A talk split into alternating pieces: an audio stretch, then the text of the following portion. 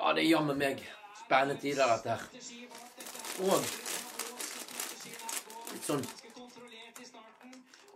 usunne tider. Usunne tider. Men det må til det når det er OL. Og det er litt vanskelig å være effektiv. Også. Det er jo så mye som skjer på TV. Så det blir spennende om denne KAB-podden kommer ut i, i tide.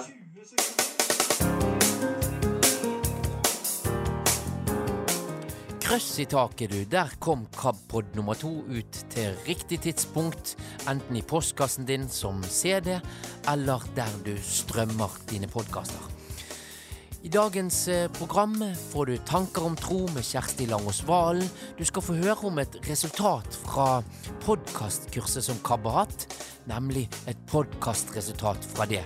I tillegg til det så blir det del to av digitale barrierer. Og så er det rykter om at eh, Hilde Diakon vil si noe òg. Ja da, og så vil det selvfølgelig bli eh, litt informasjon fra Øyvind Voi etter hvert, så det at eh, du må bare henge med her, så blir det litt av hvert å ta tak i. Har du lyst til å kontakte oss i KAB, så kan du gjøre det på e-post kabalfakrøllkab.no, eller telefonen som er 69 81 69 81. Og nå, du, nå blir det eksklusivitet her i KAB-pod, for du skal nemlig få lov å være med på kjøretur med diakon Hilde Gromstad. Ja, da skal du få være med diakonen ut på en tur. I dag så skal jeg ta bilen min, en veldig fin uh, Kia Soul. Og så skal jeg kjøre til Våler asylmottak i Indre Østfold. Så når jeg har vært der, så skal du få høre på hjemturen, da i bilen hva jeg opplevde. Ønsker meg lykke til.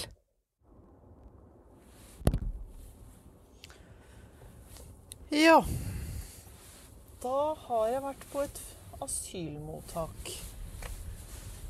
Og det var um, Det var jo ikke spesielt hyggelige omgivelser, må jeg si. Det var altså forferdelig stusslig og slitent. Uh, der kunne noen virkelig gjort en liten jobb med en malerpensel og i det hele tatt. Men det var hyggelige folk. Og jeg fikk altså bli kjent med Konstantin. Som har vært på dette asylmottaket siden september. Han kommer opprinnelig fra Ukraina. Vi snakka ikke så mye om hvorfor han hadde flykta. Det tenker jeg kanskje kan komme litt etter hvert. Eh, men jeg fikk inntrykk av at noe av grunnen er at han, han har eh, mista synet i voksen alder. Uh, og i Ukraina så er det sånn at hvis du blir født synshemma, da får du opplæring. Uh, men hvis du mister synet når du er voksen, da er det ikke noe hjelp å få. Og han vil gjerne lære seg både å lese punktskrift og i det hele tatt. Han var en veldig hyggelig mann. Så nå er jo oppgaven for meg, og kanskje med litt hjelp fra dere, få litt tips og innspill. Hvordan kan vi få Konstantin til å få være litt mer med i eh, noen fysiske møter? Han har lyst til å treffe folk. Han bor i Østfold. Så det er jo Blindeforbundet Øst som kanskje kunne vært en mulighet å koble på. Han er ikke så langt til Moss, eh, så han kan komme seg dit. Så har han veldig lyst til å være med på noe kirkebesøk, da. Og han er jo russisk ortodoks. Så der må jeg se om jeg kjenner noen som kan kobles på. Det er jo ikke veldig mange jeg kjenner som, eh, som går i ortodoks kirke, men jeg kjenner én, og det kan hende at det holder. Så der har dere noe av det diakonen må drive litt med framover. Eh, prøve å få tilværelsen for en blind ukrainsk asylsøker til å bli litt hyggeligere, faktisk. Ellers så driver jeg jo litt med dette kaffeslabberaset vårt, vet dere. Jeg er ikke så mye med der, men jeg organiserer litt. Så hvis ikke du har sjekka det ut, så vil jeg minne om det. Telefonnummeret skal du få etterpå. Men altså, kaffeslabberas. Nå er saken at du kan ringe inn på søndager klokka sju. Da er det en uformell prat. Så hvis du har noe på hjertet, så ta en telefon og se om du finner noen i dette kaffeslabberatet som du kan eh, drøse litt med, eller løse noen problemer. Hvis ting er litt mer seriøst, så har KAB et annet tilbud som vi kaller for Snakk om det. Eh, for det tenker vi er viktig. Hvis det er noe som kan oppleves vanskelig, så kan det hjelpe å snakke om det. Dette tilbudet er i utgangspunktet litt skreddersydd for mennesker med en eh, synshemming. Vi tenker at det kan være et tema som kanskje ikke er så lett med å få hjelp til å snakke om hvor som helst. Alle kan jo ta en prat med diakonen i kirken sin f.eks., men det er ikke sikkert at den diakonen har så mye greie på akkurat det med å leve med et synstap. Det tenker vi at vi i KAB har litt greie på, faktisk. Så nå har vi det siste halvåret, året, hatt med oss Kjersti Langås Valen. Hun må av forskjellige grunner eh, trekke seg litt ut av prosjektet, men kan være med hvis det er eh, litt påkrevet. Men jeg som diakon, jeg fortsetter. Så har du lyst på en prat om noe som du kanskje syns er ikke noe du har lyst til å ta opp i et kaffeslabberas, eller som ikke det er så lett å snakke med hvem som helst om, kanskje vi kan finne ut av det. Kanskje vi kan finne ut hvordan du kan komme i kontakt med noen andre som kan hjelpe deg. Hvis du har lyst på en sånn snakk om det-prat, så kan du ta kontakt med meg. Og når eh, denne lille praten fra bilen min er ferdig, så skal du få eh, akkurat den viktige kontaktinformasjonen du trenger. Jeg lovte deg eh, noen viktige opplysninger, jeg. Hvis du vil være med på KAB sin kaffeslabberas-telefon, så kan du som sagt ringe på søndager mellom 7 og 8. Og da ringer du 21 98 42 00. Jeg sier det en gang til. 21 98 42 00. Og så blir du bedt om å eh, gi en kode. Og da har vi vært så lure at vi har tatt KAB sitt telefonnummer. Det er ikke fordi du ringer til KAB, men det er mange som husker det. 6981 6981. Da hører du kanskje noen klikkelyder, og så er du inne i et slags sånt fellesrom, hvor de som er der, kan snakke sammen. Som jeg sa, hvis du vil benytte deg av tilbudet Snakk om det, så kan du ringe til KAB, da. 6981 6981 eller send en e-post til kab at kab.no. Eller du kan ta en telefon til diakonen, som er 9789 4370. Og til slutt så vil jeg også reklamere litt for nettmøtene våre. Hver uke så finner du et tilbud fra KAB på kveldene på onsdager så har vi enten tekstverksted, hvor vi forbereder oss på kommende søndags tekst. Da har vi med oss en av prestene som har et engasjement i KAB. Eh, og så snakker vi litt om eh, tekstene, sånn at vi er litt forberedt hvis vi skulle gå i kirken på søndagen. Og vi har vært igjennom det hvis vi ikke har anledning til å gå i kirken. Annenhver onsdag har vi også åpne nettmøter med forskjellige gjester. Den første gjesten som kommer eh, kanskje etter at du har hørt denne KAB-podden, er Marie Farstad, som er prest i Vår Frue kirke i Trondheim og har skrevet en bok om skam. To uker etter det, som da blir 2. mars, da får vi besøk av Ulf Nilsen og skal snakke med han og høre litt fra hans nye plate hvor han improviserer. På både orgel og piano, vil jeg tro. Og annenhver tirsdag så kan du være med på lunsj med diakonen. Det er klokka ett. Da ring, finner du en lenke i kalenderen eh, på kab.no. Klikk på den og er med på møtene. Det gjelder alle de åpne møtene våre, og vi bruker alltid den samme lenka. Og på lunsjen så er det ganske uformelt. Vi har ikke noe agenda. Vi snakker om det folk er opptatt av, der og da. Alltid veldig hyggelig. Så da håper jeg at vi treffes, jeg, ja, i en eller annen kanal. Ha det fint. Det var diakon det Hilde Gromstad, med både mange hestekrefter i sin vakre Kia Soul og viktig informasjon. Eh, jeg syns nå det hørtes ut som hun kjørte litt fort, jeg. Men eh, det er ikke opp til meg å bedømme. Jeg var ikke på de veier den dagen dette opptaket ble gjort. Men det neste på veien gjennom KABpod, det er Tanker om tro, som i dag serveres av Kjersti Langås Valen. Har dere sett eller hørt musikalen The Sound of Music? Helt i starten så blir Maria kalt inn til en samtale med abbedissen, den ledende nonnen i klosteret. Og abbedissen forteller Maria at hun ikke lenger skal være i klosteret. Gud har nye oppgaver til henne. Hun passer ikke til å være nonne. Maria blir skuffa og fortvila, for hun har tenkt at det var dette som skulle være hennes liv. Det var slik hun skulle tjene Gud. Og da sier abbedissen, Maria, when God closes a door, somewhere he opens a window. Når Gud lukker en dør, så åpner han et vindu et annet sted. Av og til lukkes dører for oss.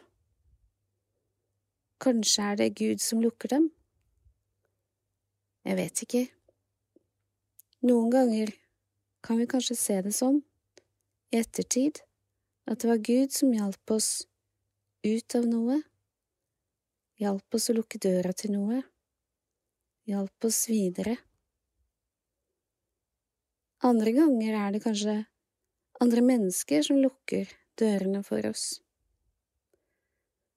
Noen ganger gjør de det i god tro eller av god vilje. Noen ganger gjør de det uvitende. Noen ganger er det oss selv som lukker døra og kanskje var det helt nødvendig å lukke den døra. Kanskje måtte det til. Kanskje vi måtte ut av noe.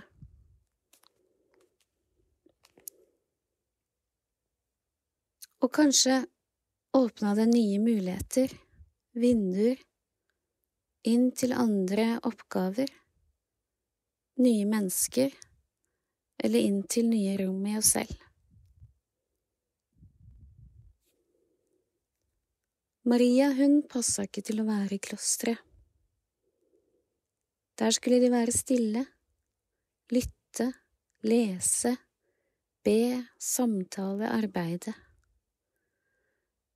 Hun trengte å være ute i naturen, løpe opp i fjellet, synge høyt, treffe mennesker.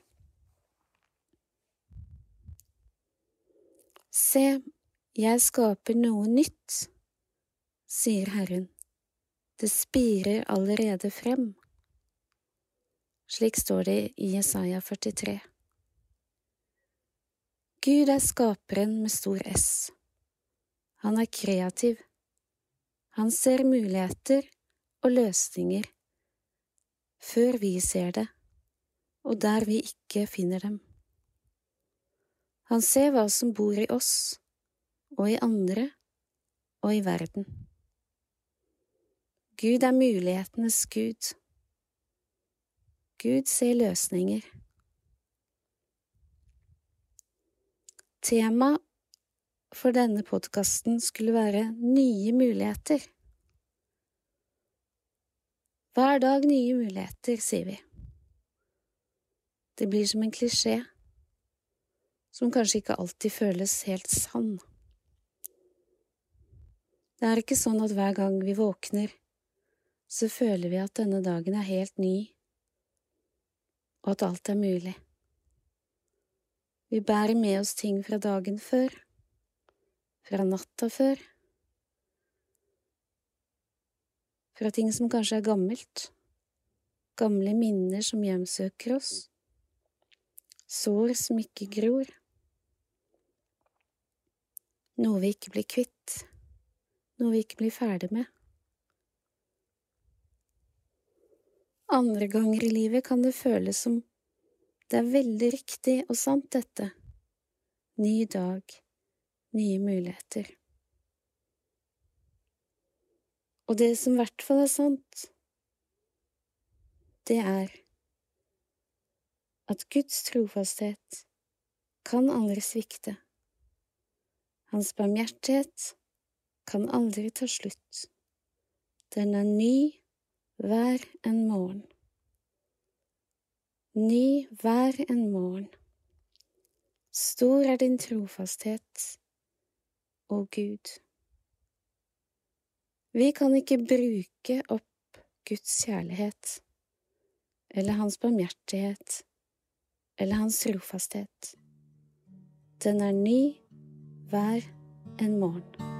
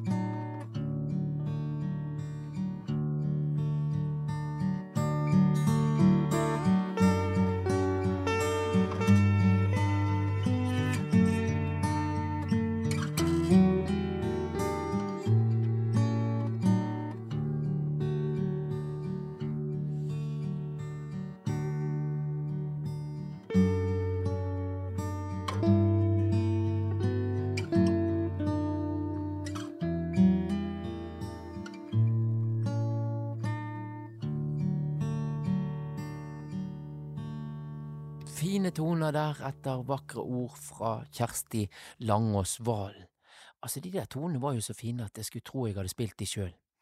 Og det er jo faktisk det jeg har gjort. Dette her var toner fra min gamle skrantende gitar som jeg fikk i morgengave da jeg giftet meg for fryktelig lenge siden. Nå får vi komme oss tilbake til nåtiden, for det at eh, vi i Kapp har jo gående en podkast som tar opp dette temaet med digitale barrierer for synshemmede i arbeidslivet, og nå har til og med Vårt Land begynt å skrive om denne saken, så da eh, får jo temaet bein å gå på, og vi får håpe at det blir en del gode endringer. Eh, reporter eh, Anne Sanne hun ønsket å finne ut mer om utfordringene som synshemmede møter i arbeidslivet. I denne episoden av den podkasten møter vi to som jobber i kirken. Det er Kjersti Langås Valen, som er prest i Sinsen menighet, og Anette Nordmo, som er kantor og verneombud i Slemmestad og Nærnes menighet. Og begge to har eh, kjent på det med digitale barrierer og IKT-utfordringer i flere år som ansatte i kirken. Jeg tror det er veldig viktig å ha folk i arbeid i kirkene, fordi da skjer det noe. Da, hvis du har noen lokalt, så øker jo kunnskapen eh, lokalt. Sånn som her i Sinsen nå, så har jo de i staben nå lært veldig mye om det å eh, ikke se. Er Den norske kyrkja opptatt av inkludering og mangfold? Hvis svaret er ja, hvordan står det til med tilrettelegging av arbeidsplasser for blinde og svaksynte som jobber i kyrkja? Vi vet at ansatte med funksjonsnedsettelse møter digitale barrierer i arbeidslivet. Jeg har snakka med to medarbeidere i kyrkja, som kan fortelle litt om hvordan de opplever arbeidshverdagen sin der. Nå skal jeg låse meg inn her.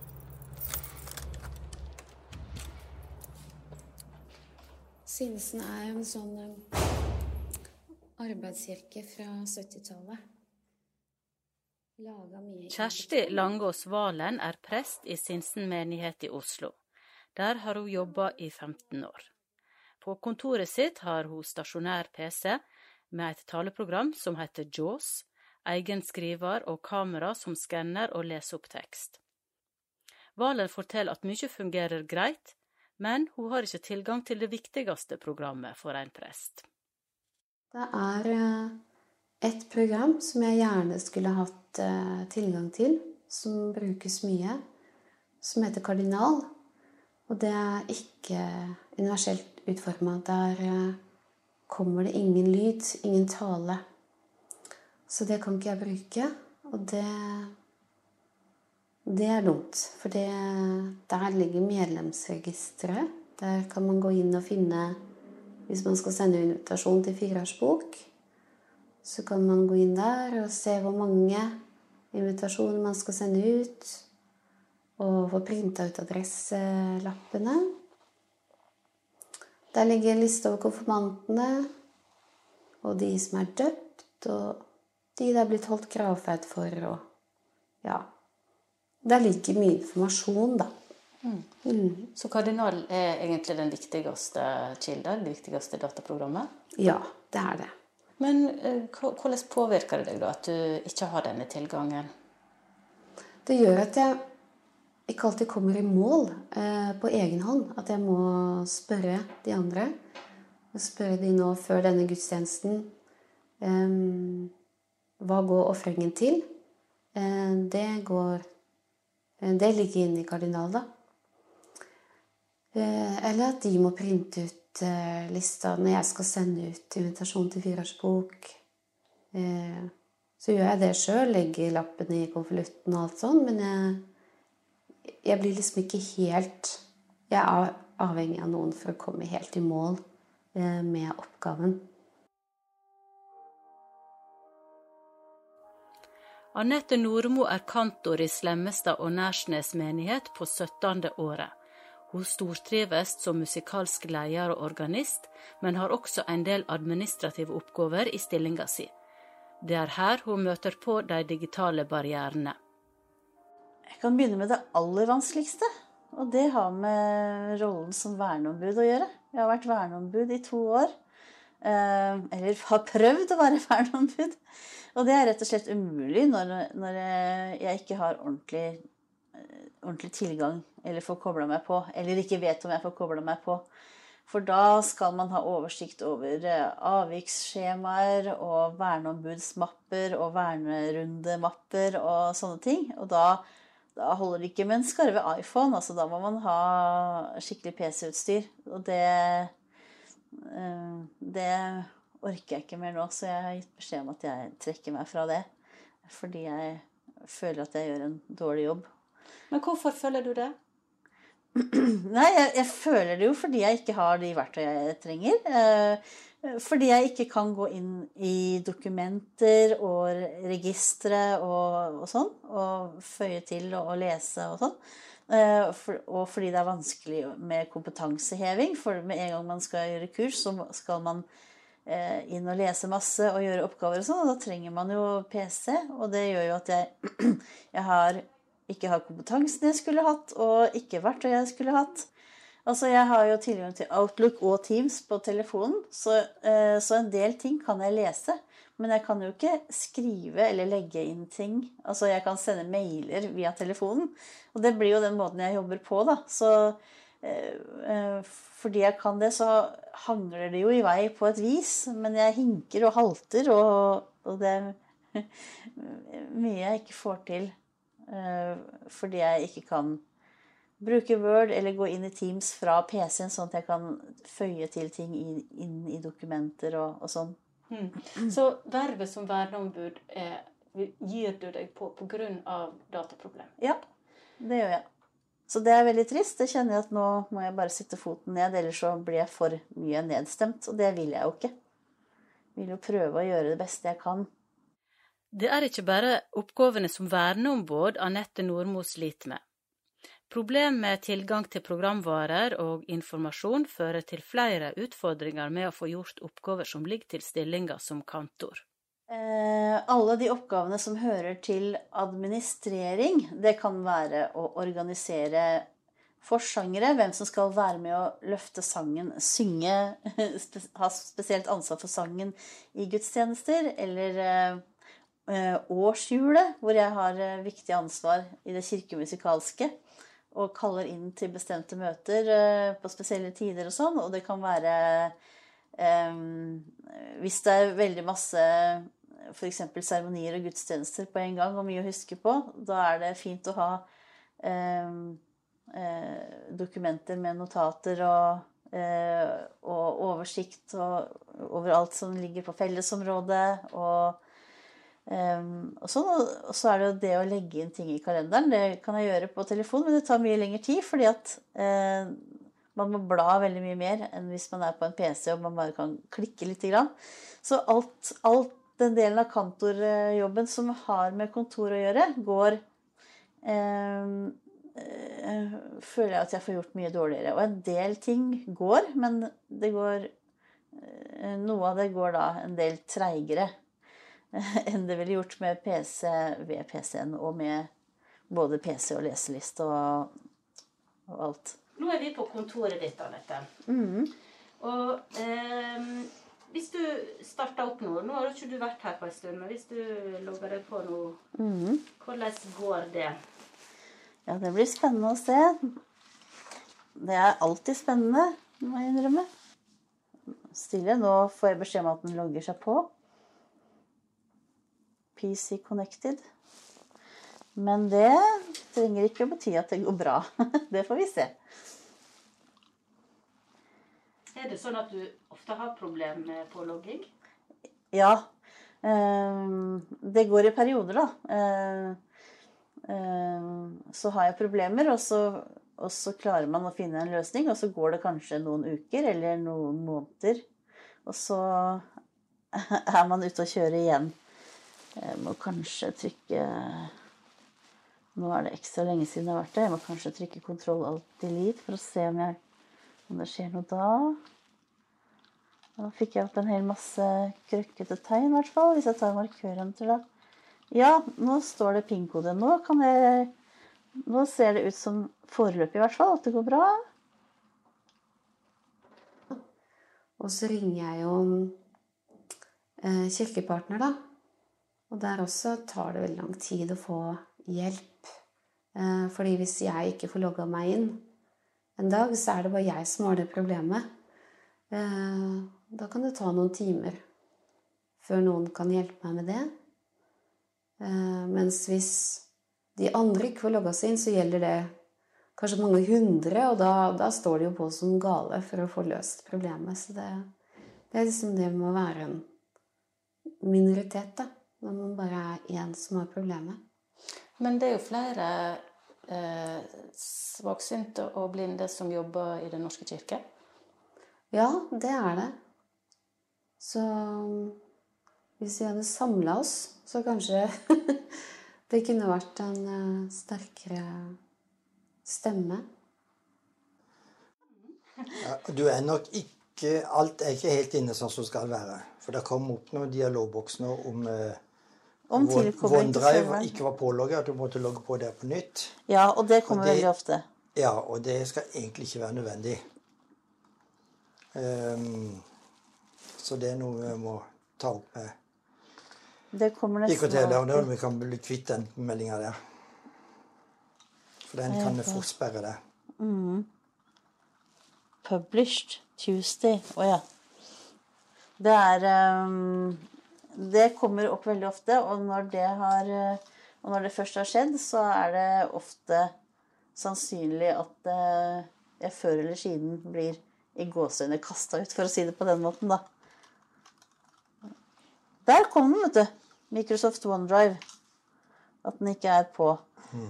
Og, så, og, så, får ikke jeg til å koble den, koble den til, eller sånn. Det er noe jeg trenger hjelp til, så det må bare trykke OK, og den kommer jo da opp den kommer jo da opp hele tiden. Eh, nå lystrer den Jo, der lystrer den. Nå Betyr, betyr det at du ofte kan sitte ganske lenge her og bare strever med å komme inn på riktig måte? Ja, det, det betyr det ganske ofte. Eh, og da er jeg heldig. Nå må jeg plutselig ta passordet, da. Ok. Men så har vi en eh, IKT-ekspert her. Ja, jeg heter Øystein Mollestad. Jeg er sånn IKT-konsulent for Asker kirke fellesråd. 50% stilling. Og um, min oppgave er jo med måte det å hjelpe til å tilrettelegge for folk. Og være et bindeledd mot vår eh, eksterne IT-leverandør når det gjelder saker og ting. Og eh, det å tilrettelegge for blinde det har vært et stort problem hos vår underleverandør, for de har ikke hatt kunnskap om det. Og eh, det fungerte forholdsvis bra en periode med alle tidligere Windows-system, for da var det noen tilleggsprogrammer som fungerte greit for blinde. Men nå som vi skifter opp over på Windows 10 og det nye plattopplegg, så eh, virker det som at Windows i seg sjøl ikke er Opplegget er ikke så bra. Så det går, det går feil vei, altså? At dataprogrammene blir mer avanserte, og det blir mindre universell utforming? Ja, Det som er størst problemet nå, det er den der eh, høyere krav til pålogging. Sikkerhet som er nå. Som da gjør at du har fått mye mer som påloggingsbokser, alt mulig. Og det skaper da problemer for blinde å se disse her eh, påloggingsboksene som dukker opp på skjermen. Eh, Det kommer tydeligvis ikke så godt fram på leselistene. Så jeg tror det er viktig det om altså, kunnskapen om hvordan tilpasse Windows for eh, blinde og svaksynte. tror jeg er en viktig, veldig viktig kunnskap som skulle gjerne fått vite mer om og kunne formidle til vår kan si, IT-leverandører som setter dette opp. Så det er mangelfullt i dag? Ja, det er det. Har det blitt verre enn det var før? Ja, det, har blitt, det var bedre før, ja. Mm. Og det skyldes både å kunne over til ny Windows-plattform, og vi da mista et tilleggsprogram som var støtta før, men som ikke støtta i ny Windows. Og så skyldes en ekstra krav til pålogging, så er sikkerhet som er nå, da. Som gjør det mer komplisert.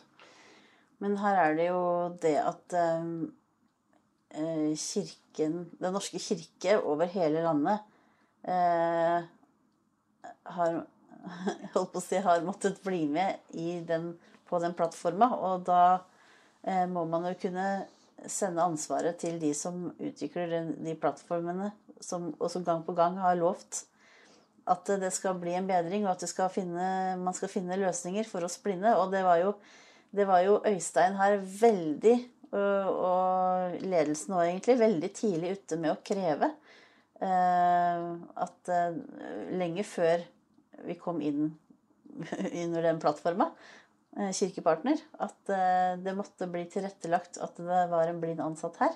Så, eh, og Øystein har vært også veldig flink på å stille krav hele tiden og, og hjelpe meg å mase og sånn. Så den lokale ledelsen her, og min arbeidsgiver da, lokalt, syns jeg jo gjør veldig bra jobb. Men, det, men, men problemet sitter høyere oppe. Ja. Så akkurat det jeg kan se nå, da eh, Hun hadde en påloggingsdialog i stad med OneDrive som jeg ser du har ikke er gjemt bak, eller du har fjerna den. Eh, og du Jeg fikk kan- den vekk. Jeg kan se om den kommer tilbake. Den Nei, det ser er faktisk ut som du er inne, du er inne nå, ja. Ja. Det eneste du har nå, en, en dialog der som sier at han ønsker å restarte ristarte PC-en, for den må oppdateres. Windows 10 var oppdatert. Det er en utfordring hvordan kanskje å fange opp det, da. ja, hvorfor kommer ikke den beskjeden til meg? Ja, Han sto der så vidt nede på høyre side idet du starta opp, ser du. Og så ligger det et ikon nede, men det kan ikke du Det kan ikke du se. Eh, Så hvordan det får klart formidles til eh, blinde og svaksynte, det vet jeg ikke. Så sånne beskjeder blir ikke fanga opp, det blir ikke lest opp. Nei, jeg gjør ikke det. hun får ikke det verbalt. Nei. Eh, Du kanskje merker når du skal- når du skal slå av PC-en, Mm, Det tenkte jeg det kan så hende. tror jeg kan det dukke opp da. At jeg får alternativet å oppdatere. Ja, jeg tror Men det. da er det større sjanse for at det ikke går neste gang. For det har skjedd flere ganger før at når jeg har oppdatert, så har det ikke gått neste gang jeg skulle koble meg på. Så det blir jo spennende å se. Nei, men, men, men de kan si jeg savner det på en måte gjerne hvis KAB sentralt eller andre på en måte kan eh, være med å hjelpe til på hvordan en PC skal konfigureres og settes opp for mest mulig tilpasning, så har det vært kjempeverdifullt. For den kunnskapen ligger ikke hos IT-selskapene. Og ikke hos kirkepartene heller? Nei, jeg vil ikke si det. De har måttet lese opp en del, litt, men de, i utgangspunktet hadde ikke den kunnskapen. nei. Hva tenker du da om eh, de utfordringene som hun har her på arbeidsplassen sin? Jeg synes, for det første syns jeg det er veldig synd at Anette har fått den belastningen så godt. Et, jeg skjønner godt frustrasjonen som Anette har hatt, for den har vært så lang tid. Eh, eh, fra det til å gå såpass bra som det er nå, da. Det har vært mye frustrasjon. Så det har jeg veldig forståelse Jeg syns det skal være sånn. Jeg tenker at Jo flere ansatte vi har med funksjonsnedsettelse, jo mer øker den kunnskapen, da. Og jo lettere vil det da også være for folk å komme til gudstjeneste. Um, eller delta som frivillige. Um, det finnes jo så mye ressurser der ute som må oppdages. At man ikke bare tenker som man ser en blind at 'oi, hva trenger hun hjelp til?' Men eh, har hun kanskje lyst til å bidra med noe? Høsten 2017 mista Valen restsynet sitt. Fram til da hadde hun brukt et program som kombinerte forstørrelse og tale. Uten syn trengte hun taleprogrammet JAWS. Nav, kirkepartner, prosten og arbeidsgiver deltok i et møte der det ble bestemt, men månedene gikk og de fant ikke ut av det, mellom annet på grunn av sikkerhet så hun fikk ikke taleprogrammet før i juni 2019, ett og et halvt år seinere. Det var ganske utrolig at det skulle ta så lang tid. Og det, det var mye masing, både telefon og mail og sånn. Så det løste seg ikke før jeg til slutt, da, etter altfor mye tålmodighet, selvfølgelig Jeg burde jo ikke vært så tålmodig.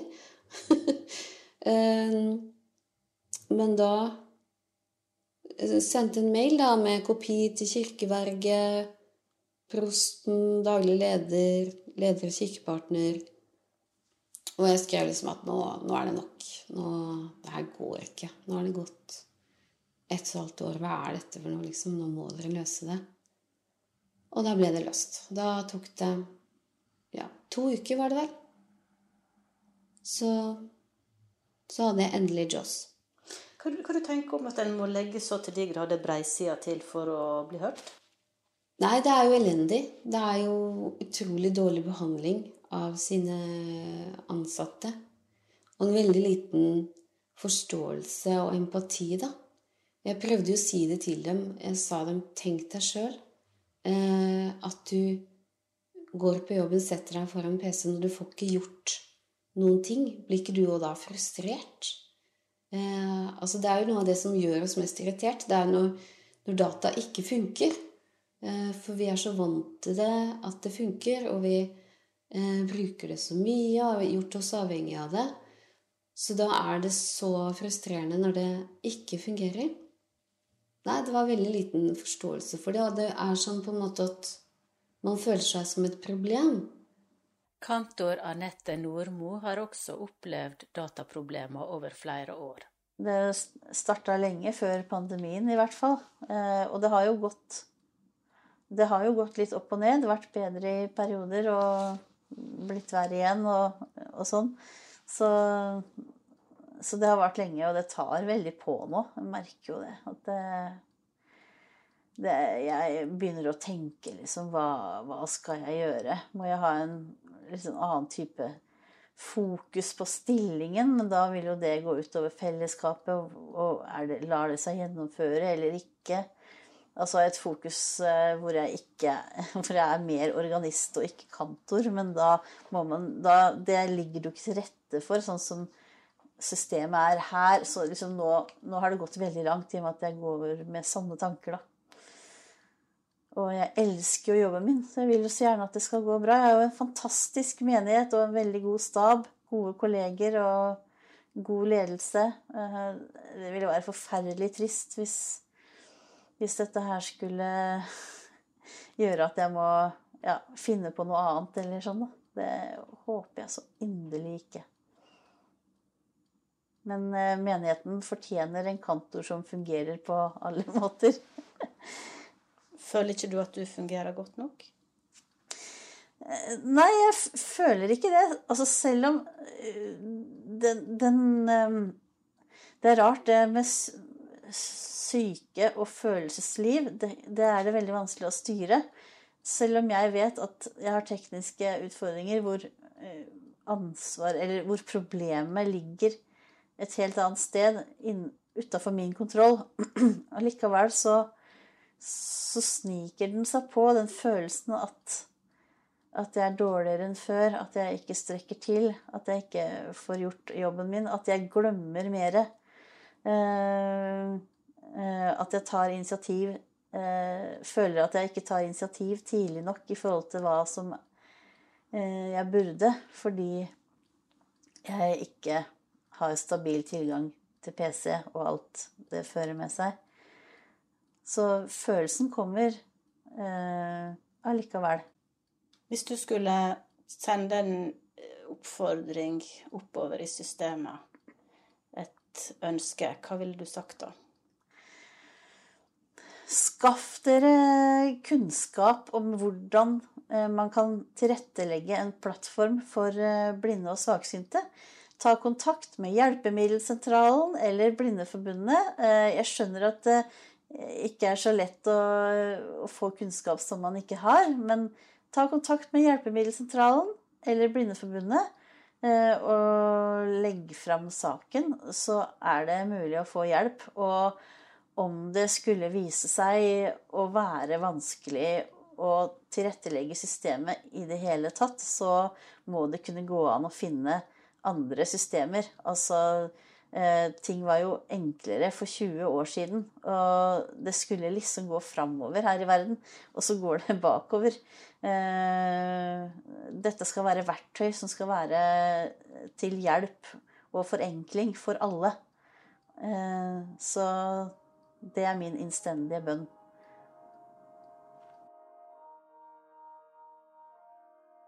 Tenker du det at nettopp Den norske kirke bør være spesielt opptatt av inkludering?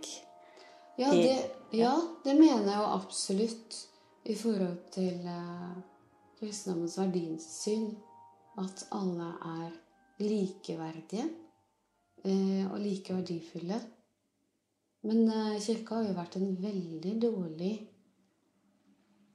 uh, etterlever av det når det gjelder f.eks. å ha funksjonshemmede i arbeid. Da. Det kan jo hende at disse helbredelsestekstene fra Nytestamentet har, har ødelagt. At det, at det, blir veldig en sånn tanke om eh, omsorg. Og eh, det var det jo en i KAB som nevnte nå. Han hadde lest gjennom mange menigheters diakoniplaner. Og dette med tilrettelegging eh, for funksjonshemmede kommer inn under eh, punktet nestekjærlighet. Og det sier jo litt. For det er jo ikke det det handler om. Det handler om likestilling. Det handler om likeverdighet. Om eh, ja, at vi er ressurser på samme måte som alle andre er ressurser. Det er IKT-verksemda Kirkepartner, som er eid av Kirkerådet og 170 fellesråd, som skal hjelpe tilsette som har dataproblem. Inge Mauseth, som er daglig leder i Kirkepartner, sier han har stor forståelse for frustrasjonen som Kjersti Langås Valen og Anette Nordmo gir uttrykk for.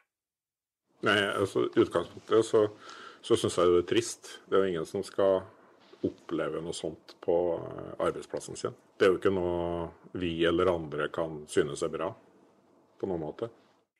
De digitale barrierene som Valen og Nordmo opplever på jobben, er bl.a. problemet med pålogging, at det tar lang tid å få hjelp hos Kirkepartner, og at de ikke har tilgang på viktige dataprogram som de skal bruke i arbeidet.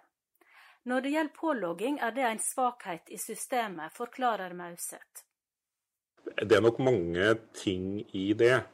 Eh, og det er, det er, jo et komplekst system både IT-messig, men også organisasjonsmessig, som gjør til at eh, ansvaret for å sette sammen løsningene er for fragmentert. Eh, og i det tilfellet som ble nevnt på i podkasten, så med, med OneDrive, så er jo det en, en, utfordring som er i systemet, og som er en svakhet i systemet. Eh, og så må jeg tenke at kirkepartner og andre som har vært med og laga spesielt sikkerhetssystemet rundt det her, eh, vi har ikke hatt nok fokus på den type problemstilling i den utarbeidinga.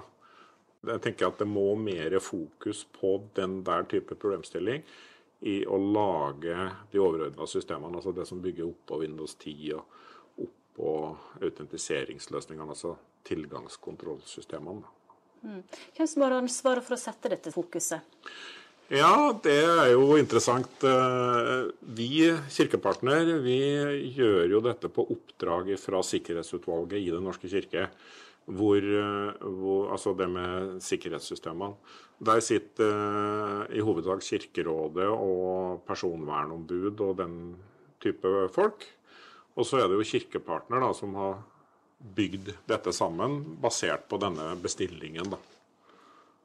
Så Kirkepartner har ansvaret for uh, det operasjonelle. Men, men nivået på sikkerhet er det da Sikkerhetsutvalget som har ansvaret for kompetanse var nevnt her. Eh, jeg vil jo si det sånn at vi har nok kompetanse på det IT-tekniske, men for lite kapasitet. Eh, og så er jeg jo av den oppfatninga av at eh, det er ikke kompetanse på det IT-tekniske hos kirkepartner som er det største problemet, men det er en totalforståelse i hva som skal leveres, som er det største problemet for å, for å komme i mål, da, slik at uh, f.eks. pålogging går greier da, for alle. Er det en uklar bestilling? Ja, det vil jeg si. Uh, fordi at bestillingen er ikke, er ikke tydelig på det vi nå snakker om. Altså i forhold til universell utforming og blinde og svaksyntes utfordringer i særdeleshet. Og så er det jo ansvaret for Eh, leveransen, da, altså både utstyr og programvare, er fragmentert. Som er delt imellom arbeidsgiver, som er Fellesrådet eller Kirkerådet, og uh, kirkepartner. Kardinal som uh, verktøy, det er det jo Fellesrådet sjøl som sitter på bestilleransvaret for, eller, eller har, har, kjøpt inn. Da. Det er ikke noe kirkepartner har beslutta at skal brukes. Så der, der er det òg en pulverisering, da, skulle du si, eller en, en, en, flere som sitter med ansvar inn i å få det til å, til å virke. da. Mauseth stadfester at det ikke har blitt tatt nok omsyn til blinde og svaksynte sine behov i valg av IKT-system og programvarer. Nei, det er helt klart. Det blir det jo ikke. Det er jo ikke, det er jo ikke et tydelig fokus og et tydelig øh, bestillerkrav, om en skal kunne si det på den måten, i, i, det totale. Det er for dårlig. Universell utforming har jo vært et eh, begrep i ganske mange år nå. Hva tenker du om at vi ikke er kommet lenger? Jeg syns det er trist. Jeg syns det er veldig trist. Eh, personlig har jeg jo jobba med det her i snart 15 år. Eh, så, på forskjellig nivå med både blinde og andre, andre med andre typer utfordringer i forhold til universell utforming. Og, og, vi har jo kommet veldig kort i forhold til bevisstheten rundt det. For vi er nødt til å ha en felles bevissthet rundt dette hvis vi skal få det til. Det hjelper ikke at jeg mener noe om det, men det, det, må, det må, opp og fram, slik at vi får ressurser til faktisk å jobbe med det. Mm.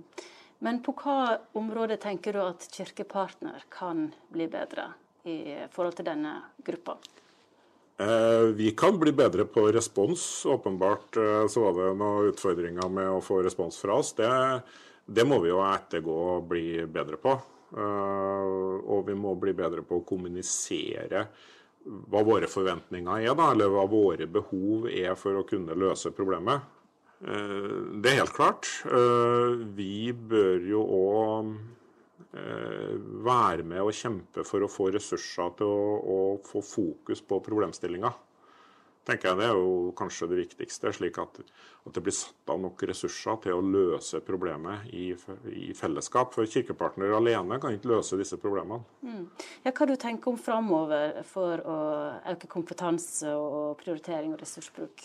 Nei, Jeg kunne jo ha tenkt meg at eh, det spilt litt videre på det som ble sagt i podkasten med, med, tanke på at uh, svaksynte organiserer seg. Jeg tenker at vi kunne ha tatt det litt lengre hvis, hvis vi får med brukere, altså i denne sammenhengen svaksynte.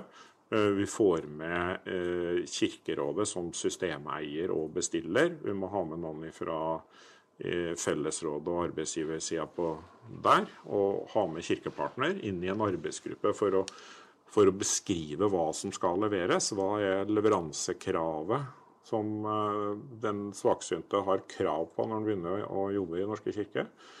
Sånn at det er tydelig, sånn at vi vet hva vi skal levere, og den enkelte medarbeider vet hva han skal kunne kreve. Og så tenker jeg at vi må ha nok ressurser i en sånn arbeidsgruppe til at vi òg har en dialog med Hjelpemiddelsentralen. Det sa Inge Mauseth, det, som er daglig leder i Kirkepartner. Og Kirkerådet de sier at de vil øke innsatsen med tilrettelegging for synshemmede. Dette er det Vårt Land som skriver. De vil forsøke å finne de beste løsninger i samarbeid med ansatte med synshemminger og KAB og andre kompetansemiljøer. Ja, nå har han ventet lenge nok. Nå skal du få litt eh, informasjon her av generalsekretær Øyvind Woie. Hvert tredje år så inviterer KAB til eh, generalforsamling, og i anledning det så vil vi gjerne ha en samling før generalforsamlinga. Og I år så kaller vi det for en forsommerfest.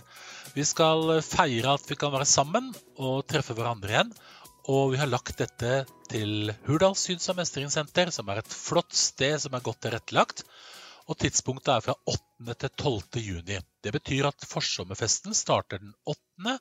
Og sjølve generalforsamlinga den har vi lagt til helga, som starter den 10. juni.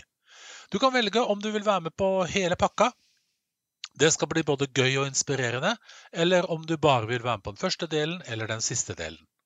Alle som er medlemmer i KAB, kan komme på generalforsamling og være med å bestemme hva KAB skal gjøre i åra framover, og sjekke ut om KAB har jobba godt i forhold til årsmelding og årsregnskap som legges fram.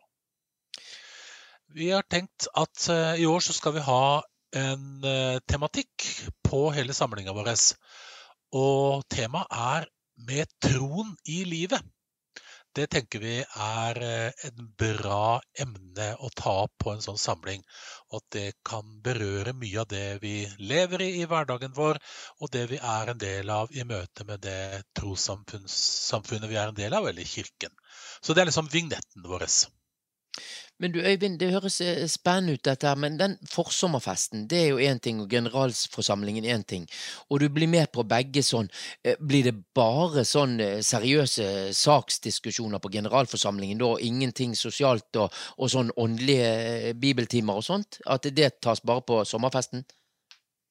Nei, vi har en programkomité som jobber nå med litt program. Og vi skal ha god tid til å snakke sammen. Vi skal ha god tid til å lytte til våre folk som eh, holder eh, seminarer og snakker om tanker om tro.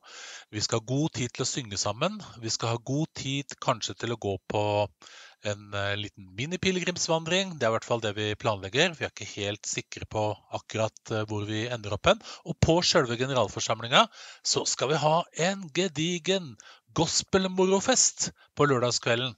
Hvor vi får hjelp av uh, en sånn gospelgeneral som heter Leif Ingvald Skau, som en del kjenner til fra Gospel Explosion.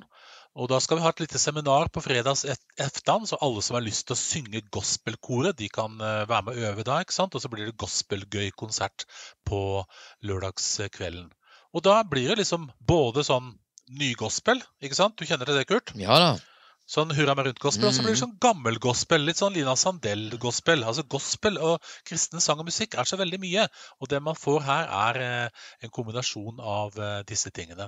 Og så blir det også en samling på søndagen som eh, blir en sånn gudstjenestelig samling. Så det er primært lørdagen som går, altså dagen på lørdag, som går til generalforsamling. Og om det er kjedelig? Nei, det tror jeg ikke. For her er det snakk om å tenke høyt om framtida til KAB. Og det er viktig nå, altså. Ja, hva er det viktigste? Mm. Nei, hva som er det viktigste? Eh, det viktigste er at eh, KAB er en organisasjon som eh, eies og drives fram av syns- og lesehemmede. Og den viktige kursen framover handler om å komme nærmere der du bor og bidra mer til at eh, du får del i det fellesskapet du ønsker lokalt, og at du treffer andre synshemma som kan gi deg inspirasjon og oppmuntring. Så Det er kanskje det viktigste. At vi går i en sånn retning hvor vi skal være mye nærmere folk, rett og slett. Du, det siste jeg avbrøt deg her, hva var det siste du skulle si i denne sammenhengen? Nei, det siste jeg skulle si at uh, Dette koster 3500 kroner for hele arrangementet. Vi vil veldig gjerne at du tar med deg en ledsager sjøl. Eh, da koster det 1750 for ledsageren. Eh, har du ikke ledsager, så må du ta kontakt med oss om det. Men vi vil veldig gjerne oppmuntre deg til å ta med ledsager. Hvis du bare vil være med på halve arrangementet, så koster det deg 1750 kroner. Og hvis du er KAB-medlem, så betaler du en egenandel på reisa på maks 500 kroner, og så får du refundert resten. Altså Her må bare eh. folk eh, ta, ta, kjenne sin besøkelsestid og sette av 8. Ja. juni, Øyvind. Vi må, vi må appellere til det. Ja, bare melde seg på og melde seg inn, så er du med på dette flotte arrangementet. Så er det på det lokale området. Der skjer det jo òg en god del eh, ting i KAB-sammenheng, Øyvind? Ja, nå har vi kommet til den tida i året der vi har årsmøter i de tre flotte lokalforeningene som vi har. Og årsmøtene de har jo også noe med generalforsamling å gjøre. De avlegger litt regnskap og litt rapport, og så blir dette brakt opp til generalforsamlinga. Og Førstemann ut er Oslo og omegn lokalforening av KAB, som har årsmøte 6.3 klokka 18.00 i Sporveisgata 10.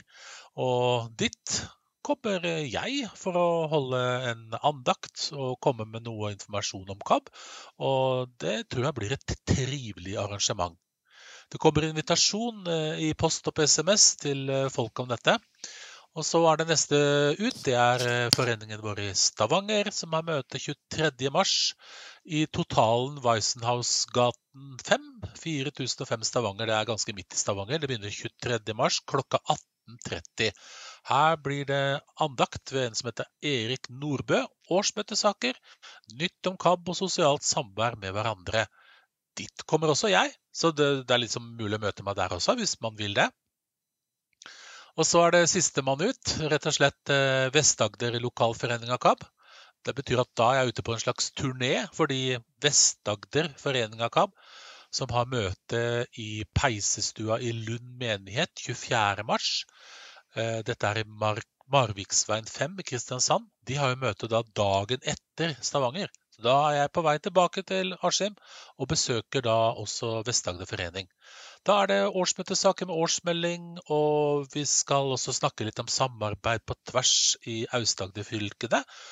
Og det blir litt sånn saker og bevertning, og jeg tror det blir litt pizza, gode saker der nede også. Så her er det sånn at eh, de som har lyst til å være med, de må kontakte Inger Anne Ilebekk på telefon 901 14 513, eller Kirsten Sundbø på telefon 91179193. Det er pga. bevertningen. Syns du dette gikk for raskt nå, spol tilbake eller kontakt KAB, så får du mer informasjon der. Og så kan vi konstatere at generalsekretæren endelig har kommet ut på veien igjen. Ja, det er jo sånn at når koronaen åpner opp, så legger vi ut på veien, og det er jo noe av det triveligste som er. Komme ut der folk bor, snakke med folk eh, og høre hvordan de har det der de lever ut livet sitt, og der de lever ut troa si. Ja. Så er det ungdomsarrangement. Det skal dere ha i, i Trøndelag. Øyvind, fortell litt om hva, hva tanker rundt det? KAB har jo hatt et ungdomsarbeid tidligere og ønsker å blåse litt liv i det igjen. Vi har jo folk som er eh, unge og synshemma som er konfirmanter, f.eks., eller har blitt konfirmert. Og vi kjenner til noen som er aktive i kristne ungdomsmiljøer. Så den 8. til 11. april så inviterer KAB til en palmepilegrimshelg i Trondheim. Eh, vi tenker oss en ganske liten gruppe, og aldersgruppa er 16 til 30 år. Eh, vi skal eh, labbe litt pilegrimsvandring rundt i Trondheim og bo på pilegrimsgården. Og vi skal ja, ha fine opplevelser både i kirker og på rockemuseum. Og kanskje vi skal ha litt pilegrimsshopping også. Det er ikke umulig, det. Her har vi fått hjelp av Kjartan Bergsli og Odny Furunes Gumar, som begge var med på pilegrimsvandringa i sommer, og som er unge, forholdsvis unge, spreke folk som jobber veldig mye med ungdom også. Eh, så hvis noen vet om noen som har lyst til å være med, kjenner til noen i den aldersgruppa 16 30 år, så tips dem, om, tips dem om dette arrangementet. Da er det Hilde Grumstad som er personen. Ringe til henne 978 94 370 eller hilde.grumstad krøllalfa kab.no. Prisen på dette arrangementet er kun 500 kroner. Det er ganske rimelig. Det kan bli gøy.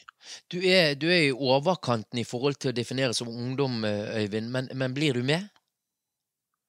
Det kan hende. Jeg er ikke helt sikker på om jeg blir med ennå. Det er mulig at det blir litt for mye reising, men eh, jeg tror det skal bli gøy.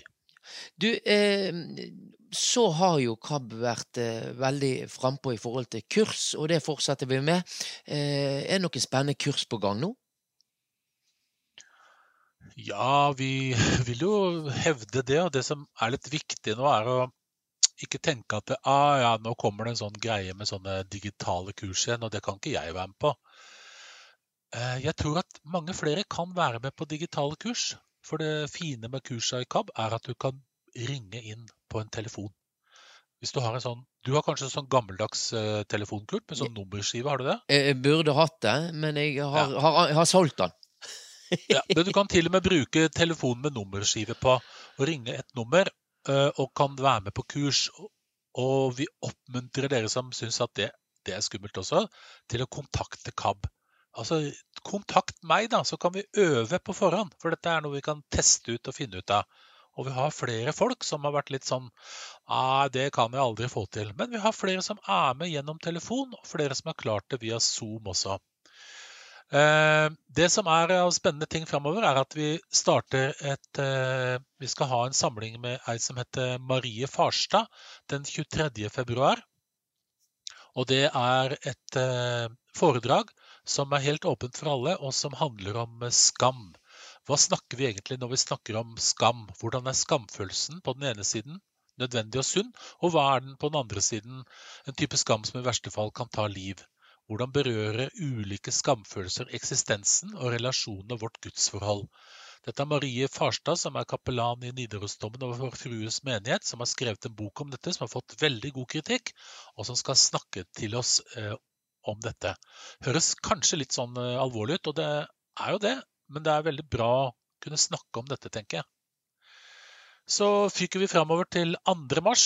Da har vi faktisk tenkt å overføre en uh, konsert, i hvert fall en sånn intimkonsert, med ingen ringere enn Ulf Nilsen.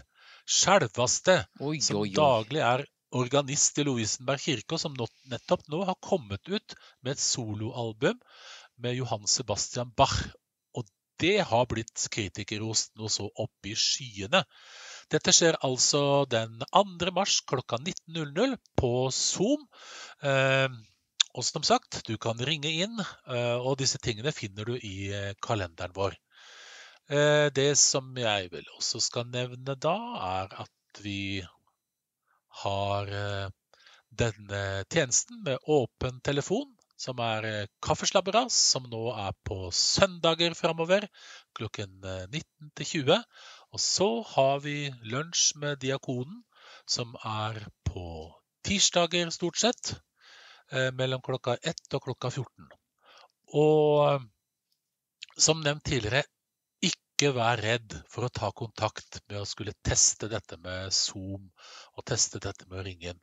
Dette kan vi få til sammen, tror jeg altså.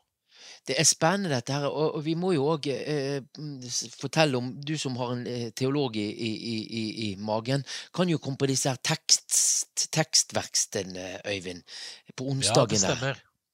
Onsdagene så har vi tekstverksteder, eh, som også er på Zoom, der man kan eh, snakke sammen om søndagsteksten eh, som er i kirka, det som, ja, med litt forskjellig innspill på det. Og så vil jeg bare presisere at vi er litt sånn vi er litt sånn etter koronaen fremdeles. Vi er ikke helt der at vi er oppi hverandre veldig ennå. Vi kommer til å fortsette å ha nettkurs og digitale kurs, men vi skal også mer ut på veien. Altså, vi skal ha kurs hvor vi treffes ansikt til ansikt. Det går jo et sånt frivillig kurs nå som er digitalt. Det kommer til å bli den typen kurs også i lokalforeningene eller i nærheten av dem framover. Så ikke, ikke tenk at eh, KAB er blitt som digitale. Ja, vi er digitale, men vi skal være tett på folk også. Det lover jeg. Godt levert der fra generalsekretær Øyvind Woie. Klarere kan det vel ikke sies. Ting vi tar for gitt, det er en rykende fersk podkastserie som er produsert av en av eh, KABs medlemmer, Odd Østby. Og denne podkasten er et resultat av eh, dette podkastkurset som vi har gående nå for tiden. Og eh, vi håper jo å få flere podkaster ut av dette kurset, men dette er den første. Og først skal du få et intervju med Odd Østby som forteller litt om podkasten, og så skal du få lov å høre del to av ting vi tar for gitt. Men her forteller Odd Østby om sin nyfødte podkast. Det, det, er en serie som jeg har tenkt å, å, lage eh, om ting vi rett og slett har for gitt, som er ve veldig sånne dagligdagse selvfølgeligheter som vi har rundt oss. Um, altså F.eks. rennende drikkevann i springen, eller uh, all asfalten rundt oss, eller uh, brilleglass kan det være, det kan være høyrekjøring, det kan være allemannsretten, så det er veldig mange, veldig mange ting å ta av men ting som vi kanskje ikke tenker så mye over, men som, som vi tar for gitt, og, men som allikevel er store goder som vi har eh, her i landet. Har du en liten sånn eh, kuriositet du kan fortelle oss om, som du har tenkt å lage om eller har oppdaget i løpet av denne, eh, når du har jobbet med denne serien her? Det jeg holder på med akkurat nå, er eh, drikkevann i springen. og bare for å ta bakgrunn for det, er i det hele tatt det at jeg har tenkt på mange av disse tingene, det er jo det at jeg vokste opp sjøl i et eh, såkalt u-land, og der var det veldig mange av de tingene som vi tar for gitt i dag her i Norge, som ikke fantes, eller som var mye mer tungvint. Eh, blant annet det å, å, eh, få vann. Det mest ekstreme jeg har sett når det gjelder drikkevannhenting, det er altså hvis du ser for deg en brønn som er 20 meter dyp, og så står det altså menn, 10-12 menn over hverandre med beina skrevs inn i brønnveggen. Altså de står skrevs med føttene planta inn i sånne groper i brønnveggen. Så sender de altså en tom bøtte nedover med den ene hånda og tar en full bøtte oppover med den andre hånda. Og Der står de altså og balanserer langt ned i dypet og henter vann helt fra bånn i denne brønnen. Det, det, er bare helt utrolig stilig. Og så hiver de da vannet opp i et basseng eh, når det kommer opp. og der er det faktisk kyrne som først får lov å drikke, for dette er nomadefolk med av de, og de er veldig avhengig av buskapen sin. Så når kyrne og geitene de har fått drikke, så, så, er det menneskenes tur. Så det, det ja. Ting vi tar for gitt, heter podkasten, og er det litt sånn eh, moralsk pekefinger òg, dette her med at vi, vi, vi bør ikke ta ting for gitt? Det er ikke så mye moralsk pekefinger, jeg vil ikke si det, men det er mer et ønske kanskje om at uh, vi skulle bli mer takknemlige for det, det, vi ellers tar for gitt. For det, uh, hvis jeg kan skape litt takknemlighet og litt uh, undring også i, i, gjennom disse podkastene, så, så, føler jeg at jeg har oppnådd noe. Fordi jeg, jeg tenker det er vi, vi, har så mye å være takknemlige for, ikke minst i vårt land og, og alt sånt. Men hvor, hvor, det lett er å ta ting for gitt, og hvor lett det er å klage over bagateller. Men eh, kanskje det kan få være med å skape litt mer takknemlighet for ja, nettopp ting vi ellers tar for gitt. Altså. Du har jo vært på, på dette kurset vi i KAB arrangerte eh, i forhold til det å lage podkast. Eh, hadde denne ting vi tar for gitt, sett dagens lys hvis du ikke hadde vært på det kurset? Nei, det kan jeg svare fullstendig eh, kategoriske nei på. For det, da, det, da, det, tilbudet kom om å få være med på et podkastkurs, så tenkte jeg først at har jeg noe å bidra med der, liksom? Og så tenkte jeg litt mer over saken. Og så eh, mente de at jeg absolutt eh, hadde noe å bidra med, trodde de. Sånn at da eh, ble trukket ut, og jeg er veldig veldig takknemlig for at jeg fikk være med på det kurset der. og, og føler at dette er virkelig noe som, ja, som, som jeg kan drive med litt framover. Og, og God willing så er jeg snart pensjonist, og da tenkte jeg at det er noe jeg kan surre med litt i pensjonisttilværelsen også, for det, det, er en uendelighet av ting å ta av, som sagt. Og det tar jo tid å lage disse, disse episodene, sånn at det, jeg, må, jeg, må, jo uh, få tak i folk når de er tilgjengelige og alt det der. så så, så, ja, Men eh, absolutt. Eh, hvis jeg ikke hadde gått det kurset, så hadde jeg ikke sett dagens lys, nei. Så jeg er veldig, veldig takknemlig for det også. Du, eh, nå skal vi høre eh, del to av denne podkasten Ting vi tar for gitt, da. Og jeg anbefaler deg da å løpe ut på kjøkkenet, hente deg et glass vann, for nå skal det snakkes veldig mye om vann her, og da regner jeg med at du blir veldig tørst Jeg har jo veldig respekt for det fantastiske mediet som vann er. Vann er jo skapt på en helt fantastisk måte. Det å ha vann innlagt i huset er jo, det er jo et fantastisk gode som vi ofte tar for gitt. ikke sant? For det, det, vi er blitt så vant til det.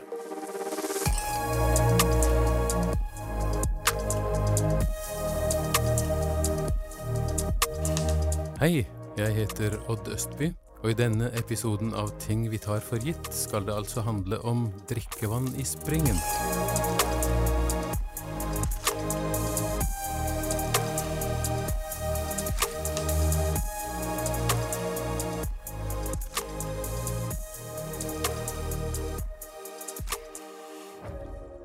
Det at vi her i Norge kan drikke vann rett av springen, er kanskje en av de tingene det er lettest å ta for gitt. Vi åpner kranen, og ut spruter det rent, kvalitetssikret, parasittfritt vann. Men det at vi har drikkevann i springen, har virkelig sin historie som fortjener å bli fortalt. I den andre enden av skalaen, nemlig, finner vi steder på kloden hvor folk henter stillestående, brunt vann i leirkrukker som de bærer kilometervis tilbake til boligen, der det må kokes lenge før det kan brukes.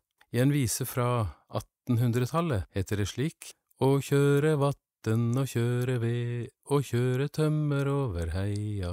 Det var tydeligvis en beskjeftigelse som var vanlig, og gjerne skjedde kanskje med en slede eller en kjerre bak en hest, og i et norsk ordtak handler det om ikke å gå over bekken etter vann, så bekken var tydeligvis en kilde til drikkevann før i tida.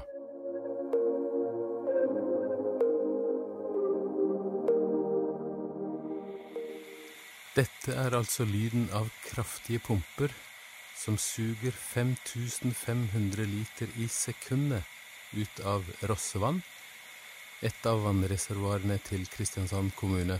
Hvert døgn pumpes altså 20 000 kubikkmeter vann ut til boliger, fabrikker, sykehus, brannhydranter osv. Jeg har altså tatt turen til Rossevann vannverk, og der treffer jeg en hyggelig driftsleder, Bernt Knutsen. Han tar imot meg i vannverkets kontrollrom. Her er det fullt av utstyr som overvåker dette som en må kunne kalle hjertet i det kommunale kretsløpet. Fra inntaket så går det tre rør som er 400 mm inn til, inn til en kum som ligger under vannverket her, som vi pumper videre inn i anlegget på.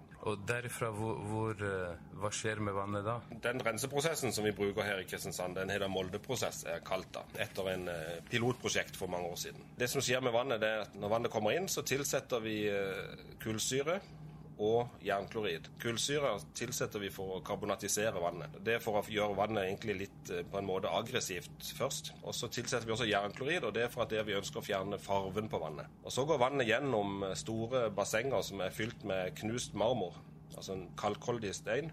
Og når vannet er såpass surt, så tiltar, altså tar det til seg mye av den kalken. Og derfor blir vannet mye høyere pH etter hvert når det går gjennom det. I tillegg så eh, all farven i vannet den binder seg til det jernet som vi har tilsatt. Og Da blir det små klumper på en måte som legger seg på toppen av denne sanda.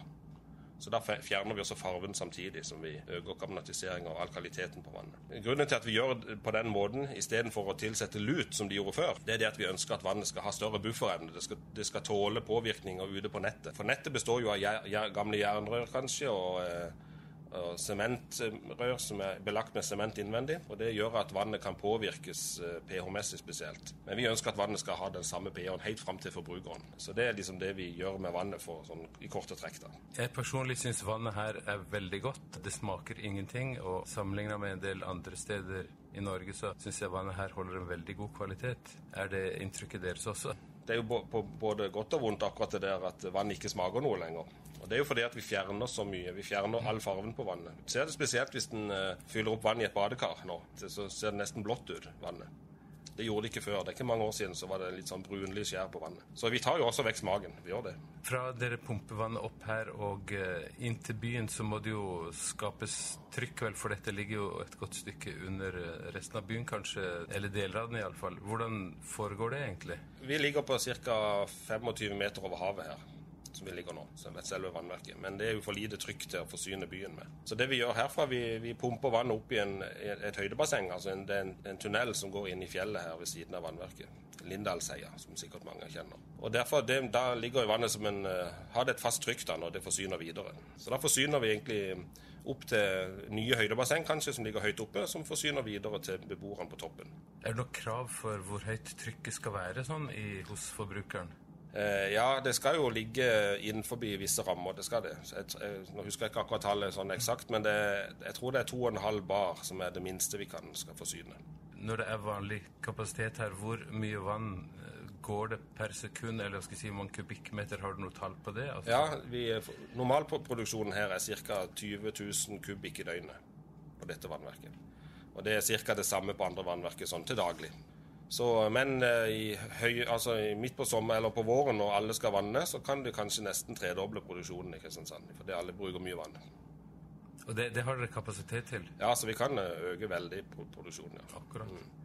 Men da vil vel vannstanden synke etter hvert, og det er vel det som gjør at det blir vanningsrestriksjoner etter hvert sånn? Ja. Som regel er det ikke selve nivået i vannene som gjør at vi får vanningsrestriksjoner. Det er mer eh, kapasiteten på nettet. Altså høydebassenger og ledningsnett at vi ikke klarer å opprettholde trykket rundt forbi.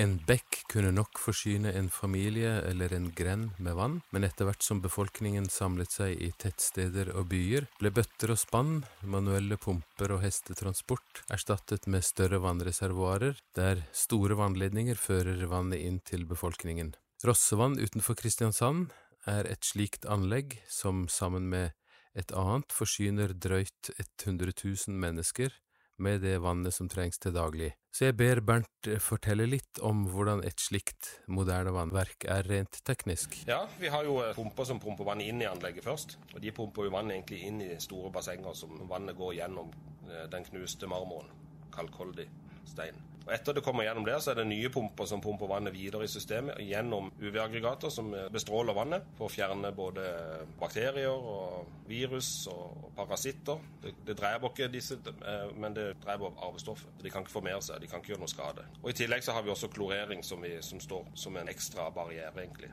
Som står på fortsatt lite grann. men ikke, ikke, sånn som før. Før ble det jo klort veldig mye. Og Så går vannet videre til enda større pumper, som pumper vannet opp i et uh, høydebasseng. da som, eh, som, ligger som en buffer for byen videre.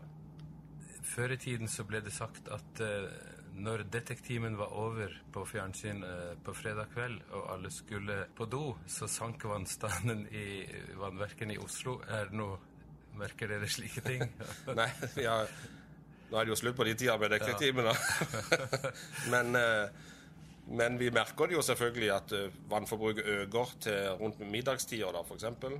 Også rett før folk skal legge seg, for da skal jo kanskje mange pusse tennene og ha en dusj og litt av hvert. Så, så det merkes jo. Vi ser, kan se det på målerne, for vi har jo overvåka hele nettet. Så vi ser jo, eh, ser jo vannforbruket rundt i forskjellige soner. Hvis dere tok en kaffepause og slo av anlegget her en halvtimes tid, hva, hva skjedde da?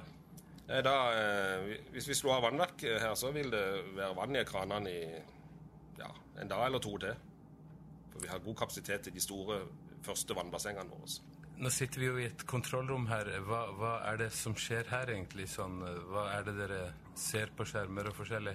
Her, kan, her, overvåker vi selve vannverket her, og i tillegg så overvåker vi eh, alle pumpestasjoner i byen og høydebasseng. sånn at vi ser, Og alle målestasjoner som måler vannforbruket rundt forbi. Og så er det satt inn forskjellige parametere, sånn at vi kan få alarmer da, f.eks. Hvis, hvis det blir økt vannforbruk, eller over normalen, sånn at, vi kan, at det kanskje er en lekkasje da, f.eks. For, for vi har jo også en del lekkasjer på nettet som, gjør at, som vi hele tida må følge med på. da. Men det er jo det at vi lever jo i et land som har skiftende temperatur hele året. og Det gjør jo at eh, jorda og bakken beveger seg. Kanskje mye mer enn andre steder i verden. Og Det gjør jo også at det blir flere lekkasjer, rett og slett. Så vi opplever jo ofte det at eh, når eh, frosten i bakken slipper, så får vi en masse lekkasjer. Og samtidig også når, når frosten i bakken setter seg, så kommer det mange lekkasjer. Du sitter jo som driftsleder på et vannverk. Tenker du mye på at du har en av Kristiansands viktigste jobber, kanskje? Altså uten vann intet liv? Eh, ja, vi, vi, er jo veldig glad i, glad i, jobben vår. Vi har jo veldig respekt for det fantastiske mediet som vann er. Altså, Vann er jo skapt på en helt fantastisk måte. Det er, jo, det er jo inget annet stoff som oppfører seg på den måten som vann gjør med at det er tyngst på fire grader. Og det gjør jo at vi, Hvis ikke det hadde vært sånn vannet, så hadde vi jo ikke kunnet bruke innsjøene våre til drikkevann i det hele tatt. Ja, Vannet kunne bare rådna på bunnen, eller det hadde bare bygd seg opp is på bunnen av vannet. Så det at vannet er som det, det gjør at vi kan bruke det som drikkevann. Og det bør vi egentlig alle ha veldig respekt for. Så må vi huske også at det, det kommer ikke noe nytt vann på jorda. Det er det samme vannet vi bruker hele tida.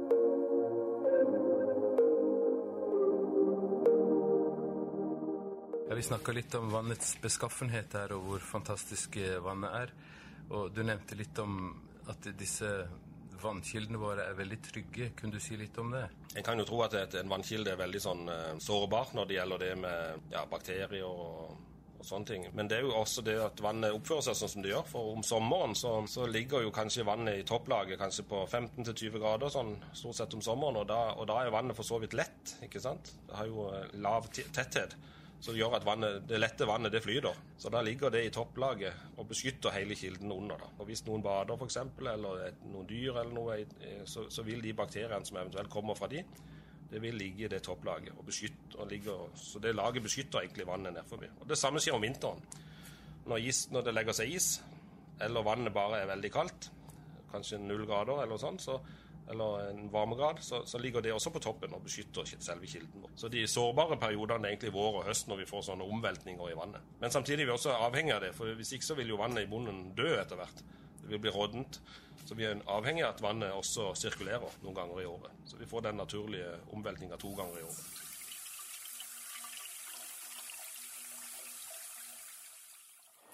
Ja, nå står vi altså like ved fem-seks basseng her. Eh, Bernt, kan du fortelle litt om hva som skjer her? Ja, her er jo, som vi snakker om, altså Vannet går jo gjennom den eh, knuste marmoren. Og Dette er toppen av disse bassengene. Og eh, Vannet kommer da inn på toppen, og så går det gjennom, gjennom dette. Og, og, på toppen av dette bassenget, altså på toppen av denne massen så legger jo all denne, ja, alle disse fnokkene, som vi kaller det, altså all den farven, alt det humusen som har bundet seg til dette jernet, det legger seg på toppen og andre partikler og sånne ting. Og Etter hvert så fylles jo dette opp. da, Det blir tettere og tettere et filter.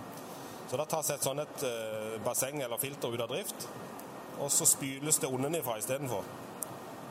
Med vann. Samme vannet som vi produserer, egentlig. Bare setter det på hardt hardtonnenifra sammen med luft.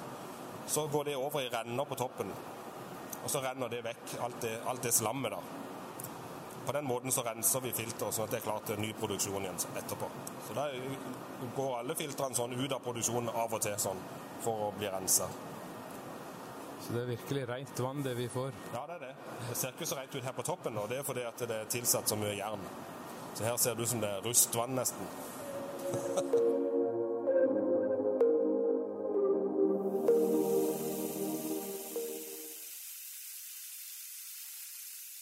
jeg fått komme til vann- og avløpssjefen i Kristiansand kommune, Torleif Jacobsen. Jeg er veldig takknemlig for at du vil stille opp eh, i podkasten. Takk skal du ha for det. Det jeg hadde lyst til å starte med, det er litt sånn historisk hvor langt tilbake i tid man har hatt rennende drikkevann her i byen. Ja, det går ganske langt tilbake.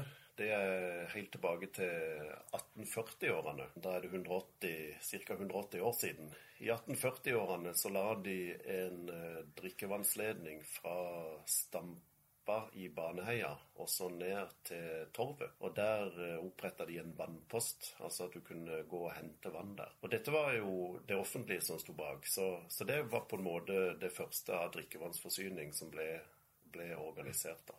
Ja, vi sitter jo nokså bokstavelig midt i kvadraturen, som er altså den kvadratkilometeren som utgjør eh, Kristiansand sentrum. Og si for 350-400 år siden så var det jo bare sand her, og nå er det jo en by med asfalt og brolegning og parker og plener og alt. Men under der så er det jo et virvar av ledninger, større og mindre vannledninger og andre ting. Så det jeg lurer på, Torleif, hvordan i all verden klarer dere å holde styr på alle disse ledningene, og hvordan eh, dere må ha noen veldig gode kart? Ja, vi har veldig gode kart. Uh, nå er jo alt alt av kart er jo digitalt. Men vi har kart som viser alle ledninger uh, som vi har under bakken. Og det er som du sier, det er et møe, og det, det, er jo et virvar. Og spesielt akkurat som du er inne på her vi sitter i Kvadraturen, så er det veldig mye rør og ledninger. Og når vi gjør gravearbeid uh, i Kvadraturen, så det er jo ikke bare vann- og avløpsledninger, det er jo fjernvarme og telefon og kabler og bredbånd og et virvar av ledninger. Men vi holder styr på våre gjennom de elektroniske kartene vi har. Og de er veldig detaljerte og veldig, veldig nøyaktige. Så der, altså der peiler vi oss ned til ledningene på centimeteren. Og de kartene viser jo både hvor, hvor de ligger, men òg hvor dypt de ligger da under bakken. Jeg leste meg opp på at i 2016 så skrev Statistisk sentralbyrå at det var 35 minutters avbrudd i vannforsyningen i snitt i Norge på de kommunale nettverkene. Det er imponerende, syns jeg. Av, det, av dem var 13 minutter lekkasjer, og resten var planlagt. Så, men hvis det skjer en lekkasje, hvor lett er det for dere å finne fram til den? Det kan være komplisert, men det kan òg være ganske lett. Det avhenger veldig av lekkasjen. Og da er det gjerne litt avhengig av hvis det er stor, altså stor dimensjon på vannrøret, at det er et hovedrør. Og vi lytter oss fram til lekkasjene. Altså Noen lekkasjer ser vi jo fordi vannet flommer eh, ut over bakken. Men andre lekkasjer må en lytte seg fram til. og Da bruker en eh, et, et sånn stort eh, stetoskop, rett og slett, akkurat som legene bruker, bare litt større, og, og lytter seg fram. Og de som lytter, de hos oss som kan lytte seg fram til lekkasjer, de lytter seg jo fram da på, altså på centimeteren. De er jo veldig erfarne med å, å lytte, men lytter seg fram da til eksakt. Og holdt på å si setter et merke på bakken, og der kan vi grave, og der er lekkasjen det å få vann det er ikke bare er liksom veldedighet fra kommunen, det er rett og slett en plikt kommunen har eh, overfor innbyggerne. Og motsatt at innbyggerne har plikt til å koble seg på dette. Kan du si litt om det? Ja, det stemmer det. Eh, vi har jo en sånn drikkevannsforskrift. Og når vi har kommunale ledninger, altså drikkevannsledninger som går gjennom eh, byen, så plikter du å koble deg til for å legge inn drikkevann i huset. da. Så det, det er helt riktig. det Altså, Det er jo en rettighet, og, og, det å ha vann innlagt i huset er jo, det er jo et fantastisk gode som vi ofte tar for gitt. ikke sant? For det, eh, det, vi er blitt så vant til det. For meg som til daglig jobber med menneskekroppen, er det naturlig å trekke sammenligning mellom det menneskelige kretsløpet og det kommunale vann- og avløpssystemet. Jeg ser for meg at Vannverket det er hjertet, og kontrollrommet på vannverket det er hjerteovervåkingen, som sørger for at trykket er som det skal, akkurat som i en menneskekropp at man sjekker blodtrykket, og sannelig går man rundt med stetoskop også på bakken for å sjekke om det er lekkasjer, slik som man gjør i det menneskelige kretsløpet, men etter hvert som årenettet utvides, for det gjør det jo når byer og tettsteder bygges ut, så lurer jeg på, er det virkelig nok vann til å forsyne alle disse nyutbyggingene? Hvordan vet man at man har tilstrekkelig vann å ta av? Tilbake da til man tok i bruk Tronstavern og Åsevann, så er det jo gjort eh, beregninger som viser at her har vi veldig god kapasitet for veldig mange år framover. Enkelt sagt så overdimensjonerer vi jo.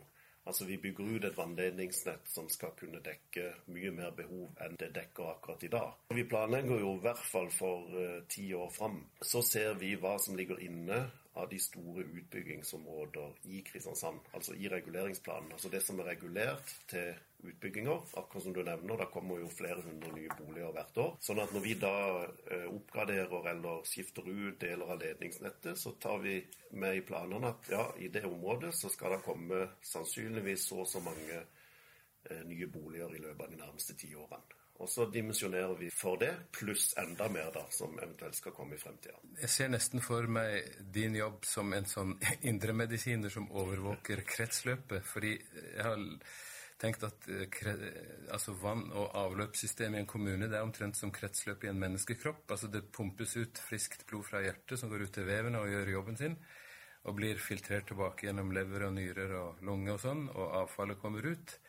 Og på samme måten som sender dere inn eh, friskt vann fra vannkilden, og så går det ut til forbrukere og fabrikker og alt mulig, og så kommer avløpsvannet tilbake, og så skal det tas hånd om. Og Det skal vi ta i en annen episode. Men det kunne vært like gøy å høre hvor mye vann det egentlig forbrukes. Ja, vi har jo noen sånn gjennomsnittstall. Eh, vannforbruket varierer jo veldig, selvfølgelig. Men i snitt i løpet av et år så, så sender vi altså hver dag ut 400 liter vann til hver innbygger. Altså når en tar totale vannmengder og fordeler på innbyggerne i Kristiansand, så er det ca. 400 liter eh, per, eh, per innbygger. Og det, det, høres jo ganske mye ut. I de tallene der så ligger jo òg selvfølgelig at uh, industrien bruker ganske mye av dette vannet. Så det er jo ikke sånn at hver enkelt av oss uh, bruker uh, 400 liter vann. Men når vi gjør en del sånne prosjekteringer og beregninger for fremtida, så bruker vi et sånn teoretisk tall på 150 liter. Altså vi regner faktisk at altså i, hjemme i husholdninga så bruker eh, hver enkelt av oss ca. 150 liter vann i døgnet. Og Det kan jo òg høres veldig mye ut. Men hvis en først begynner å, å tenke opp at en dusjer, da går det ganske mange liter. Og så vasker en to vaskemaskiner, det går en del liter. Og så eh, går en på do, Eh, det går jo en del liter hver gang en skyller ned, ikke sant. Så blir det ikke så veldig galt, det tallet. Og så er det noe til hagevanning, ikke sant. Og så vasker hun bilen hjemme, og ja. Så er, vi bruker ganske mye vann. Vi gjør det. Det er tydeligvis eh, nok vann å ta av, så det er jo fantastisk at det er sånn. Og som sagt at det er så rent og godt drikkevann. For det som jeg har vært inne på, vi tar det for gitt, men det er virkelig et stort gode at vi kan drikke vannet her. for du skal ikke så langt av gårde til naboland eller steder hvor eh, man må kjøpe vann hele tiden? Det stemmer, det. Vi er jo veld, vi er veldig heldige i Norge som har så god tilgang eh, på drikkevann som vi har. Du skal jo ikke lenger enn til Danmark, hvor de, altså der bruker de mye mer altså Der er det jo grunnvannet de bruker til drikkevann. For i Norge så har vi jo veldig mye eh, innsjøer og overflatevann altså, som vi kan bruke som drikkevann, og som er veldig lett å få tak i. I Danmark, hvor de er mye mer avhengig av grunnvannet, så er de jo selvfølgelig også mye mer avhengig av at grunnvannet ikke forurenses eh, når du da skal bruke det til, til drikkevann. Så vi er, det er som du sier, vi er veldig heldige i Norge som har så lett tilgang på godt drikkevann.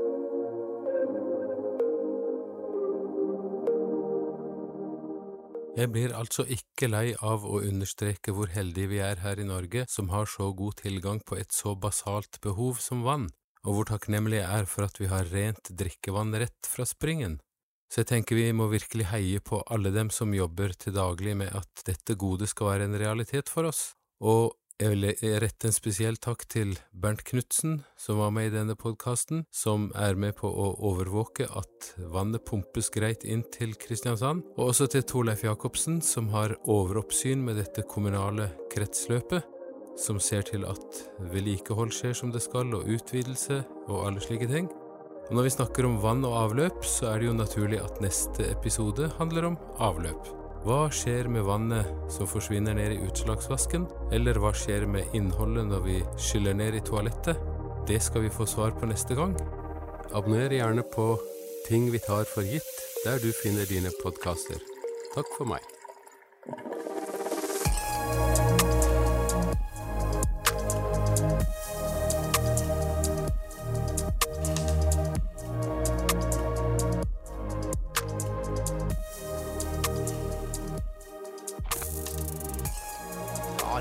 Kjempeproduksjon her av eh, Odd Østby. Eh, Podkasten 'Ting vi tar for gitt'. Og du, en eh, viktig ting her til slutt. Vi trenger din e-post og ditt telefonnummer. Det hadde vært så kjekt om du kunne gitt oss det, for da er det mye lettere for oss å kontakte deg, og det er mye lettere for oss å gi deg informasjon om hva som skjer her i KAB. Så ring inn på 69 81 69 81, eller send en e-post til kab, alfakrøll, kab.no. Da er denne KAB-pod nummer to i mål for denne gang. I etterkant av eh, dette programmet så vil du få utdrag fra ulike ting vi har av eh, organisasjonsblader og andre spennende ting. Så da ønsker jeg bare deg en god dag videre, tusen takk for at du har hørt på denne KAB-podden.